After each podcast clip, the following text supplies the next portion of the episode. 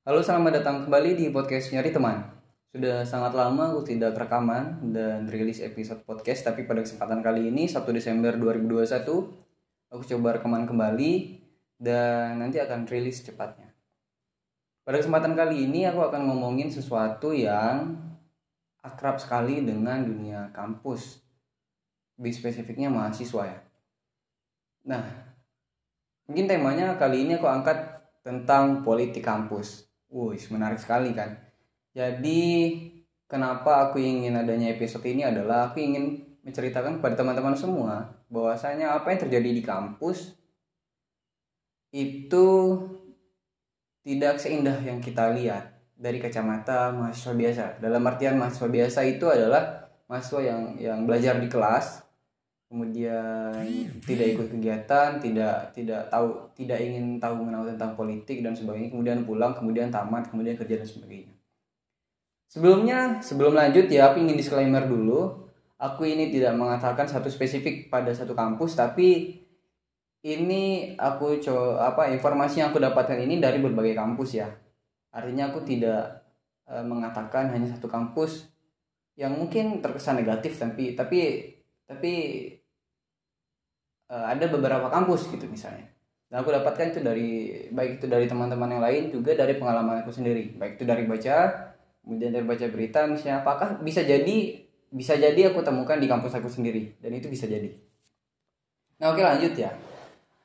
Kenapa penting sekali episode ini adalah uh, aku ingin teman-teman tahu bahwasanya di kampus di kampus itu kompleks sekali permasalahan yang ada dan aku mengalami itu ya dan aku mengalami itu dan aku mendiskusikan itu dan aku mendapatkan informasi itu dari teman-teman yang hanya ya yang ada di kampus baik itu di Unja maupun di kampus-kampus yang lain. Nah, aku coba rangkum itu tentang politik kampus. Balik lagi, kalau misalnya kita cuma hanya sekedar jadi manusia, manusia, mahasiswa biasa, mahasiswa biasa yang tidak pernah ikut kegiatan, walaupun kadang ada yang ikut kegiatan tapi tidak masuk sampai ke dalam-dalamnya dan tidak sampai pada ranah yang lebih yang memperhatikan aspek politik kampus.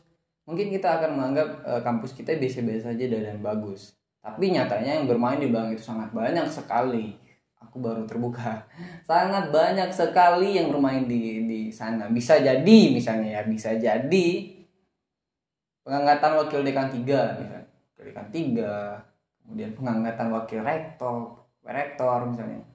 Ataupun pengangkatan uh, jabatan-jabatan yang lain. Aku teringat uh, salah seorang bijak uh, panutanku di kampus itu beliau adalah dosen. Dia bilang jabatan seperti dekan dekan itu adalah jabatan yang sangat politis. Beliau mengatakan itu ketika aku semester 2 dan ketika aku semester 8 aku baru menyadari itu. Ya baru semester 7 akhir lah masuk semester 8 aku menyadari itu. Dan dan itu benar-benar terjadi. Apalagi oh ketika semester 9 ini ya. Ketika semester 9 semuanya itu terkuak dan aku benar-benar melihat apa yang ada di depan mataku. Oke okay eh, teman-teman, kenapa aku penting menyampaikan ini bahwasanya uh, kampus sebenarnya dan seharusnya menjadi ruang intelektual dan peternak, peternakan ide dan gagasan itu tidak akhir-akhir ini aku tidak melihat kampus mencerminkan itu kepada mahasiswa. Bahkan ada di beberapa kampus misalnya yang yang yang represivitas, kemudian ya, premanisme itu terjadi di kampus. Dan aku sangat menyayangkan itu terjadi aku tidak nyebut kampusnya ya tapi mungkin teman-teman tahu. Aku sangat menyayangkan itu terjadi. Dan permainan semacam ini mungkin drama drama-drama konyol yang yang sengaja disetting untuk menghancurkan dalam kritis mahasiswa. Dan sekali lagi ya ini aku coba gambarkan apalagi kepada teman-teman mahasiswa baru misalnya.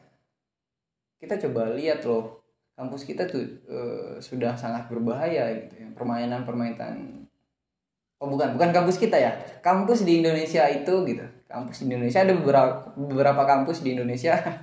Sorry aku ngomongnya agak hati-hati karena ini sensitif. Ada beberapa kampus di Indonesia yang ya itu permainan sangat berbahaya. Dan aku tidak perlu sebutin kampus itu mungkin teman-teman sudah tahu. Nah, yang pertama yang perlu teman-teman ingat dalam politik kampus adalah apa yang teman-teman lihat sekarang eh, di posisi dekan dan posisi wakil dekan ataupun sampai pada ranah eh, posisi rektor misalnya? Itu adalah jabatan politis. Ada orang-orang yang bermain di sana. Ada kepentingan-kepentingan yang ada di sana.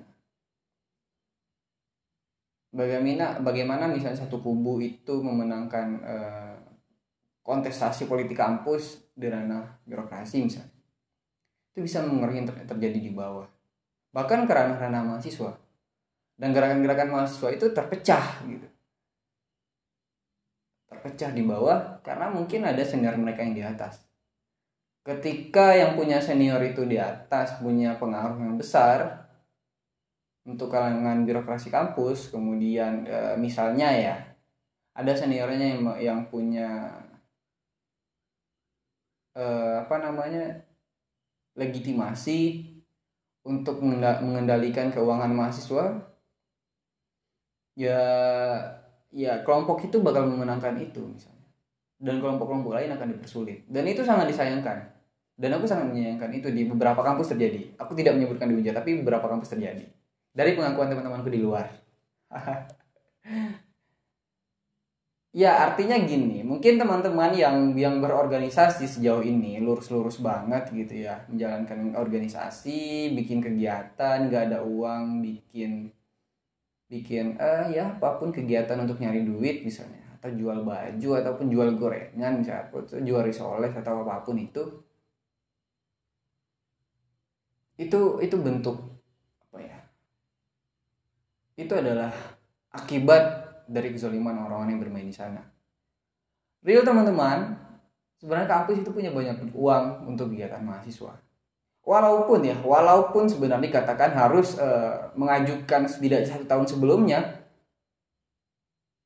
tapi lagi-lagi kampus punya banyak uang dan bahkan ada organisasi di kampus yang tidak menjadwalkan kegiatan tidak mendaftarkan kegiatan di satu tahun sebelumnya, tapi mereka bisa dapat kegiatan lagi-lagi itu adalah karena pengaruh senior dan itu karena orang-orang yang ada di sana. Senior senior mereka ada di sana. Dan itu adalah politik kepentingan. Maka mari, mari teman-teman sadar, sadarkan hal itu. Kita harus sadar. Kita harus sadar, sadarkan hal itu. Dan poin yang kedua yang ingin sampaikan adalah kampus seharusnya menjadi ruang untuk politik etis, bukan politik praktis. Ini menjadi politik moral bagi kita semua. Kita belajar berpolitik. Kita belajar mengadukan gagasan, menyampaikan ide dan mimpi-mimpi besar kita untuk mengelola negara. Tapi nyatanya hari ini di beberapa kampus, sekali lagi ya, di beberapa kampus terjadi politik praktis. Dalam artian bagaimana kepentingan-kepentingan yang terjadi, baik itu di, di ranah ideologis maupun di ranah politis. Oke, di ranah ideologis kita sepakat konsepsi harus memang harus diperdebatkan. Tapi yang kita sayangkan adalah di ranah taktis misalnya. Ada persinggungan yang terjadi antara mahasiswa dengan mahasiswa, kemudian juga antara bahkan antara dosen dan pejabat-pejabat di di kampus dengan teman-teman mahasiswa. Kita sangat menyayangkan itu ya. Seharusnya kampus menjadi ruang peternakan ataupun ruang untuk belajar berpolitik ataupun politik moral atau politik prak eh sorry politik etis gitu. Dan nyatanya hari ini di beberapa kampus terjadi hal demikian. Politik praktis, merajalela, dan meracuni gerakan-gerakan mahasiswa.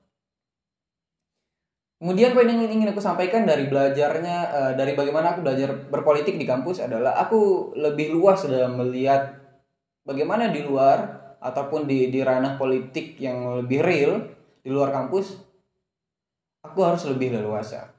Memang orang-orang yang punya pengaruh, orang-orang yang punya senior dan jabatan, orang-orang yang punya keuangan misalnya, orang-orang yang punya uang, orang-orang yang punya ya pokoknya mereka yang punya segalanya, mereka lah yang akan menang walaupun kita uh, ini sebenarnya pesimis ya. Ini aku coba sampaikan dalam kaca kacamata pesimis karena nyatanya demikian. Aku bertemu dengan orang-orang yang sudah sudah bergerak di di politik praktis dan ya kemarin perjalanan aku pulang kampung dan aku bertemu dengan beliau. Beliau salah satu orang penting di kabupatenku dan beliau bilang itu kami jor-joran ngeluarin duit segini untuk empat desa misalnya untuk untuk sekelas uh, kepala dinas harus megang ini segini. Untuk sekelas ini uh, segini misalnya. Harus ngeluarin duit segini dan sebagainya. Wow. Jadi uh, gagasan dan ide kita di digadaikan di luar. Dan dengan kacamata pesimis itu, aku belajar belajar juga bahwa bagaimana mengatasi hal demikian. Walaupun di, di, ranah idealis seperti itu ya, tapi mungkin realistisnya nanti apakah kita bakal bakal punya bergerak di sektor yang lain misalnya. Kita harus lebih siap dengan kondisi emosional kita misalnya karena kita mahasiswa tidak juga boleh menutup mata kita bahwasanya apa yang terjadi di luar dan kita harus hitam dan putih. Kita tidak boleh demikian. Kita punya ide gagasan yang bagus tapi ketika kita keluar nyatanya kita tidak diterima dan dan banyak sektor gelap yang bermain di sana. Kemudian kita tetap punya idealisme misalnya untuk memperbaiki itu dengan cara-cara yang lama dan kolot ya kita akan tinggal gitu. Dan dengan adanya politik di kampus misalnya ya kita bisa lebih siap uh, prepare lebih baik untuk uh, ranah-ranah politik lebih serius. Kemudian selanjutnya aku pelajari di politik kampus juga adalah bagaimana sebenarnya kita penting sekali menguasai teknik komunikasi. Karena di sini di di ruang politik kita yang seharusnya menjadi ruang politik etis tapi sudah dicampuri dengan kepentingan dan sebagainya, sangat banyak sekali penjilat. Dan sangat banyak sekali orang-orang yang ngomong di depan itu bagus tapi di belakang jelekin kita. Sangat banyak sekali. Dan aku ketemu itu. Gila. Sebenarnya aku malas loh ngeladeni orang-orang demikian. Tapi ya kadang kesel juga loh gitu ya di depan bagus banget loh tapi di di belakang kita di grup-grup di belakang kita mereka tidak mempertontonkan uh, idealisme mereka Dan itu nyata terjadi teman-teman. Kalau misalnya teman-teman saat ini belum sampai pada ranah demikian dan teman-teman pada saat ini hanya sibuk dengan tugas-tugas di kelas, aku tidak tidak menjelekkan teman-teman yang mengerjakan hanya mengerjakan tugas di kelas ya. Tapi coba sekali main ke ranah ini, biar kita tahu loh. Oh, ternyata begini ya. Banyak juga ya orang berebut duit kampus gitu ya. Banyak juga proyek-proyek yang bermain di kampus misalnya. Atau bagaimana? Nanti teman-teman akan merasakan sendiri.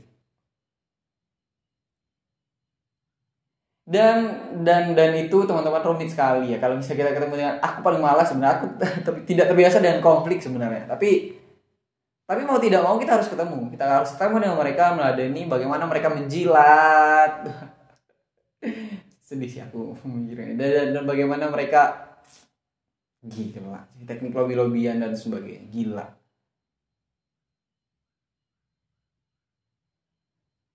Dan terakhir ingin sampaikan dari kepada teman-teman sekalian, walaupun dengan dengan sekolomit itu, tapi yakinlah teman-teman ada satu kelompok yang memang memperjuangkan idealisme mereka.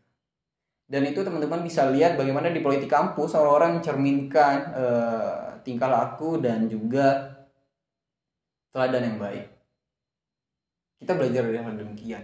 Kita belajar dari hal yang kecil, apa yang yang mereka contohkan. Walaupun rumit sekali sebenarnya, kita harus menilai sebenarnya kita harus melihat dari berbagai sudut pandang dan juga harus lebih komprehensif dalam melihat satu kelompok dengan ideologi yang mana yang lebih bagus tapi ada orang-orang yang memperjuangkan dengan nilai kebaikan ada ada ada sebagian orang itu. Teman-teman harus harus uh, lebih jeli melihat itu siapa yang benar-benar bergerak demi kepentingan uh, idealisme misalnya. Dan siapa yang bergerak demi kepentingan materialisme? Itu penting-penting yang lain. Uh, sedih sekali sebenarnya aku cerita politik ini agak berat ya tapi ya begitulah adanya teman-teman. Begitulah adanya. Sekali lagi ya karena aku ini orang politik ya. Dalam artinya aku sudah terjerumus ke ranah politik kampus karena ya wakil presiden. Pernah jadi wakil presiden walaupun sekarang udah di PLT gitu ya. Tapi tapi ya sekarang udah udah hampir selesai gitu ya. Walaupun kondisinya uh, begini teman-teman uh, apa yang sampaikan ini teman-teman harus ngaji itu. Bisa bisa saja ini bagian dari aku untuk mengalihkan perhatian teman-teman dan penggiringan opini. Ya. Bisa jadi. Maka dari itu penting sekali teman-teman harus melihat dari sudut pandang lebih komprehensif lebih holistik dan lebih luas lagi dengan dengan berbagai sudut pandang. Jadi nanti tuh bakal, bakal kelihatan tuh puzzle-nya siapa yang benar-benar benar dan siapa yang pura-pura benar dan siapa yang benar-benarkan dirinya. Selamat malam dan thank you teman-temanku sekalian.